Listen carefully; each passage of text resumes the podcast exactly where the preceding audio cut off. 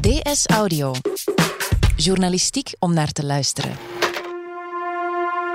Het had gebeurd moeten zijn. We hadden een deal moeten hebben over de Brexit. Maar het draaide alweer anders uit. Het werd alweer uitgesteld.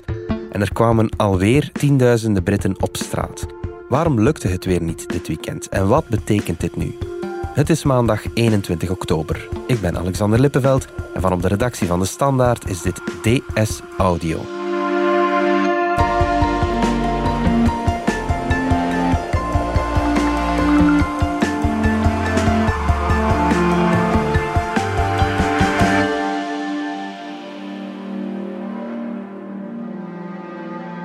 Hi, good to see you. Nous avons donc trouvé un accord We have a deal. avec le gouvernement britannique sur le retrait ordonné There was no need for any kind of prolongation. euh, de notre future relation. The eyes to the right, 322. The nose to the left, 306. I hope the whole House will forgive me if I say that standing here I have a distinct sense of deja vu.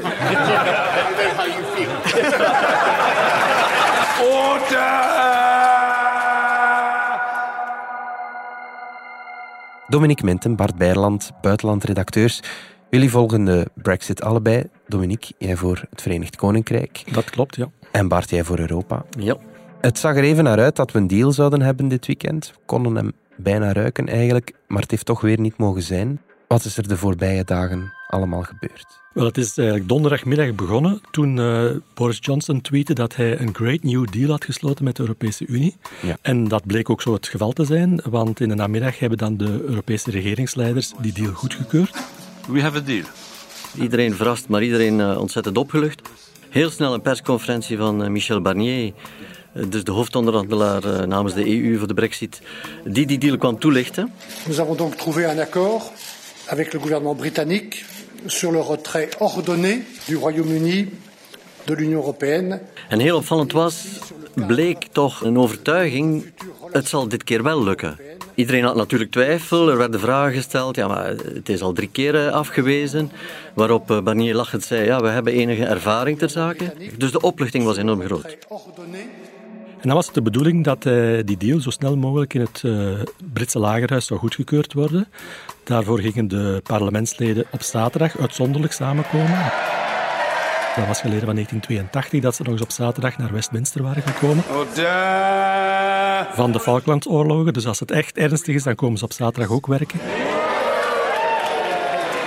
En dus ze gingen zaterdag bij, bij, bijeen zitten om dan die stemming te doen. Eyes to the right, Dat zou een ongelooflijk spannende stemming geweest zijn. the nose to the left. Maar plots, vrijdagmiddag, kwam een zekere Oliver Letwin, Thank you, Mr. Speaker. een Tory, dus een conservatief eh, uit de partij van Johnson, maar die door John- Johnson uit de partij was gezet eh, eerder, met een amendement dat eerst die, die deal die gesloten was met Europa, dat die eigenlijk in wetgeving moest omgezet worden. Om zeker van te zijn dat, eh, dat die deal wel degelijk zou uitgevoerd worden. The purpose of the amendment, as has been said in several interventions and speeches, is to keep in place the insurance policy provided by the Then Act, which prevents us from crashing. Er lag nu een deal voor, maar het was niet de eerste keer dat er een deal lag. Hè?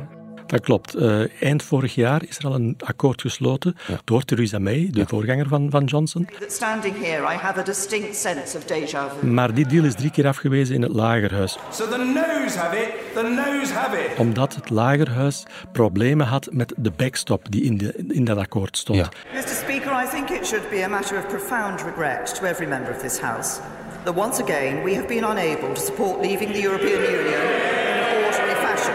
En die backstop betekende eigenlijk dat heel het Verenigd Koninkrijk in de Europese douane-Unie zou moeten blijven, zolang er geen groot algemeen akkoord was over de toekomstige relatie tussen eh, het Verenigd Koninkrijk en de Europese Unie. En dat was nu anders. En dat was nu anders. Nu eh, heeft Johnson verkregen dat die backstop eruit komt Ja. en dat alleen het Noord-Ierland eh, in de toekomst in die Europese douane-Unie moet blijven. Mhm. Dus niet heel het Verenigd Koninkrijk, maar alleen het, het kleine stukje Noord-Ierland. Ja. Daar kunnen de Britten veel beter mee leven, want dat betekent dat ze wel in die toekomst die, die vrijhandelsakkoorden kunnen gaan sluiten met de rest van de wereld. En dat is eigenlijk de bedoeling van heel de brexit. Ja. Maar de Noord-Ieren zelf, die waren daar niet gediend mee. Logischerwijze niet, hè? omdat eh, zij moeten de facto de Europese douaneregels blijven volgen. Theoretisch blijven ze wel Mhm. Ja. in de Britse douane-unie. Ja. En dat is dus de handigheid eh, waarmee permanent gespeeld werd. Wil zeggen, de Noord-Ieren zullen kunnen profiteren van eventuele handelsakkoorden die een toekomstige Britse regering sluit. Ja. Maar ze moeten wel de Europese douaneregels blijven volgen. Ja. En ze moeten ook de Europese BTW-regels blijven volgen. Dus kun je zeggen dat, denk ik, Dominique, de Noord-Ieren dichter bij de Europese Unie blijven en minder brexit hebben Ja. dan de, de Britten op het eh, Britse Ja, vasteland. dat klopt. En de grote vrees is bij die Noord-Ieren, dan vooral bij de Noord-Ierse protestanten, de, de unionisten, Ja. eh, die willen eigenlijk heel graag dichter bij het Verenigd Koninkrijk blijven. Met die Kathol- union bedoelen ze met- het bedoelen Verenigd Koninkrijk, Dat is ja, altijd de ja. grote verwarring. hè. Ja, de union ja. is niet de, de eenmaking van, van, van Ierland, maar wij zijn één Ja. unie met het Verenigd Koninkrijk. En zij vrezen dat dit een eerste stap is naar een verdere eenmaking van, van Ierland. Ja. En dat is eigenlijk een grote nachtmerrie, dat er eigenlijk die Ierse eenmaking door dit akkoord dichterbij komt. En de unionisten zijn tegen een eenmaking. Oké, daar zit de angel misschien wel. Johnson heeft geen meerderheid met zijn conservatieven in het lagerhuis. En tot nu rekende hij op de steun van die unionisten, van die DUP. Ja, dus de, de, in het, het Britse lagerhuis zitten tien DUP-parlementsleden. En hij heeft hun stem eigenlijk nodig om die deal goedgekeurd te krijgen. Ja, wat moeten we ons bij die partij voorstellen? Dus de DUP zijn de protestantse partij, ooit gesticht door Ian Paisley, de roemruchte protestantse dominee. Ja. Het zijn eigenlijk de, de meest hardline protestantse partij van, het- van, van Noord-Ierland. Ja. Eh, heel conservatief, anti-homohuwelijk, anti-abortus, maar ook heel erg anti-eenmaking van het Ierse eiland. En zij vrezen dat met dit akkoord dat die eenmaking van het Ierse eiland dat die dichterbij komt. Daarom zijn ze ook zo, zo erg gekant tegen deze deal. En Johnson heeft hen nodig omdat zij, hij heeft geen meerderheid in het lagerhuis. En zij leveren tien stemmen. En eigenlijk rekent hij op die tien stemmen. Of rekende hij op die tien stemmen. Want de kans is toch klein dat hij die gaat krijgen. Ja. Het was ook opmerkelijk eh, donderdag toen eh, de DUP liet weten dat ze tegen waren. Ook die Britse journalisten die lieten weten van ja, maar die zijn altijd tegen. Ja. Die hebben bijvoorbeeld ook gestemd tegen het Goede Vrijdagakkoord. Dat de, dat de vrede regelde aan de Juist. Ierse grens. eh, Dus ze hebben enige reputatie op dat vlak. hè. Ja, dus Johnson heeft die DUP nodig, die tien stemmen daarvan. Maar dan nog heeft hij geen meerderheid in het parlement. Hè? Ja, dat klopt. En dus kwam er een, een majeur probleem aan. Ehm, zou hij wel een meerderheid vinden in dat lagerhuis? Mhm. Bovendien had hij 21 eigen conservatieve parlementsleden uit de partij gezet. Ja. Omdat hij heeft, een paar weken geleden heeft hij de, het parlement willen eh, Opschorten, ja. opschorten. Ja. En die parlementsleden waren daartegen, er waren zware gewichten in zijn partij. Ja. Eh, en die zijn allemaal door hem uit de partij gezet. Ze zitten nu als onafhankelijke in het, in het Britse lagerhuis. En de vraag was, wat, zullen zij deze deal nu gaan goedkeuren? Dus daar moest hij ook op rekenen. Die stemmen heeft hij ook nodig.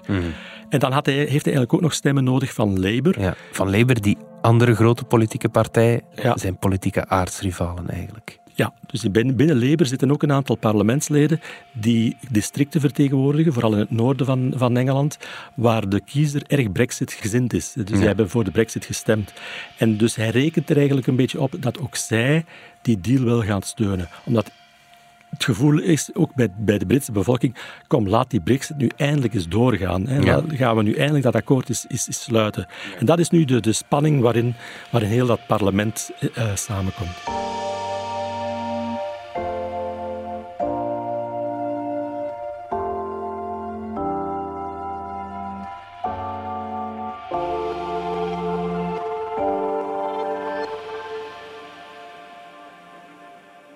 De deal is dan uiteindelijk niet gestemd, ehm, want er was een amendement Ja. dat bijzonder slim in elkaar zat.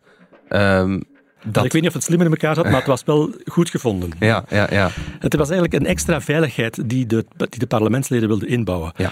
Ehm, dus die deal is er nu wel, die, of die, die, die staat op papier, maar die moet eigenlijk nog in Britse wetgeving gegoten worden. Ja. En eh, het amendement dat werd ingediend be- bepaalt eigenlijk dat er pas gestemd kan worden over die deal als die ook die wetgeving er is. Ja. Dus dat er eigenlijk over die wetgeving gestemd wordt. Want de vrees was dat eh, Johnson, ehm, als het parlement die deal had goedgekeurd en pas daarna die wetgeving zou schrijven, dat hij zou botsen op, op toch nog tegenstand van de harde brexiteers in zijn partij, die zeggen van ja, maar dit is te moeilijk en dit gaan we toch niet goedkeuren, dat die wetgeving uiteindelijk niet zou goedgekeurd worden. Ja. En dan het resultaat daarvan zou zijn dat er misschien na 31 oktober toch een soort van no-deal brexit... eh, Ja. eh, Ook al is er een deal. ook al is er een Ja. deal, eh, dat er dan toch uiteindelijk de facto een no-deal brexit zou zijn. Ja. Het is allemaal ver gezocht misschien, maar het geeft wel aan hoe, hoe groot het wantrouwen, het wederzijdse wantrouwen in dat Britse parlement, maar ook in die Britse samenleving is over de figuur Johnson en over, over heel dat eh, brexit-verhaal. Ja. Leg dat nog eens kort uit, Bart. Dat verschil tussen die Brexit met een deal en de Brexit zonder een deal. Maar laten we het vergelijken dus met een scheiding. Ja. Als je dus met slaande deuren vertrekt, dan is er niks geregeld. Ja. Dan krijg je dus een vechtscheiding. Ehm, als je vertrekt met een mooi akkoord, dan is alles geregeld voor de kinderen, voor het huis, noem maar op. Ja. Dus het is eh, zekerheid, stabiliteit eh, voor eh, burgers en bedrijven. En dat geldt bijvoorbeeld voor al die Europeanen die vandaag in het Verenigd Koninkrijk eh, wonen en leven. Als er een deal is, dan zijn al hun rechten verzekerd. Dan Ja. verandert er voor hen niets. Ehm, is dat niet het geval, dan krijg je totale onzekerheid. hè. Dan krijg je echt een vechtscheiding. Dus dat is, dat is een nachtmerrie scenario. chaos vermijden. Dat is En daar stond ook nog een factuur open, dus de Britten moeten eigenlijk aan Mhm. de Europese Unie nog ongeveer 40 miljard euro betalen. Oké. Als er geen deal was, zouden ze dat bedrag waarschijnlijk niet willen betalen. Ja, Dus Dat, eh, dat geld eh, dat speelde ook nog op de achtergrond. Zaterdag is dan dat amendement van die Oliver Letwin gestemd dat ervoor zorgde dat Boris Johnson eigenlijk nieuw uitstel moest gaan vragen. Ehm, hij wou dat niet doen, dat was direct zijn reactie, maar uiteindelijk heeft hij dat toch gedaan. Ja, nu, nu, ik, ik was er wel bijna zeker van dat hij dat toch zou doen. Ja. Hij moest een brief schrijven, dus de, de Ben Act, de wet van Hillary Benn, de- Ja. het Labour-parlementslid, bepaalt dat als er geen deal ge- eh, gesloten is, als, als die niet goedgekeurd is in het Lagerhuis, Mhm. dat hij voor zaterdag middernacht uitstel moest vragen aan de Europese Unie. Ja. Dat heeft hij uiteindelijk wel gedaan. Hij heeft, hij- in, Het was met lange tanden. het was met lange natuurlijk. tanden en hij heeft eigenlijk drie brieven gestuurd. Ja. Hij heeft dus een soort van brief gestuurd waarin hij uitstel vraagt, maar hij heeft die niet ondertekend. Dus is de vraag van, is die wel rechtsgeldig, die Oké, brief? ja. Eh, daarnaast heeft hij een brief toegevoegd waarin die wetgeving Ben nog eens... eh dus een soort van fotocopie van die wet, om aan de Europese onderhandelaars te laten tonen, kijk, dit is wat ik eigenlijk moet doen. Oké. En hij heeft er eigenlijk ook een derde brief aan toegevoegd, eh, eh, zeggende dat dat uitstel dat hij nu vraagt, Ja. dat het eigenlijk niet zijn idee is, dat het idee is van het Britse parlement. Oké, en dat is warm en koud blazen, tegelijk. ja. ja. Maar eh, ik denk dat het eigenlijk een beetje een achterhoedegevecht is. Eh, ook, eh, je hoort ook in, in, in Europa nu al dat ze die brief niet met prioriteit gaan behandelen. Want in Europa wil men ook in de eerste plaats dat die, dat die deal goedgekeurd wordt in het, in het lagerhuis. En dat Ja. is eigenlijk wat er deze week gaat moeten gebeuren. Wat je Johnson absoluut niet kan verwijten, is een gebrek aan creativiteit. Hè? Absoluut, ja, Dat, dat, dat typeert de man natuurlijk. Hè. De man is... eh, is een, een politiek beest en, en politieke beesten zijn meestal erg creatief. Ja. Ja, ik las eh, daarnet nog een, een, een een quote van een Europees diplomaat die zei van ja, deze hele Brexit-saga, dat is de grootste soapopera die ik ooit heb meegemaakt. Ja, ja. dat, dat typeert deze, deze onderhandelingen al drie jaar. Hè. Het, is, het, is, eh, het is allemaal zo, eh, zo ingewikkeld dat er allerlei achterpootjes mogelijk zijn. Het zijn techneuten die de, die de regels bepalen, eh, die, die eigenlijk de lijnen uitzetten. De, vra- de vraag is over dat breed publiek dat dat allemaal nog wel volgt. Ik denk het niet. En dat, dat, is- dat houdt natuurlijk ook een gevaar in. En ik denk ook daarom dat eh, in Engeland, zeker bij de gewone mensen, die willen deze brexit over hebben. Dat, dat het Ja. get the brexit done. Dat is Ja. ook de, de slogan van, van, van Johnson nu. En daar, dat, dat voelt hij heel goed aan.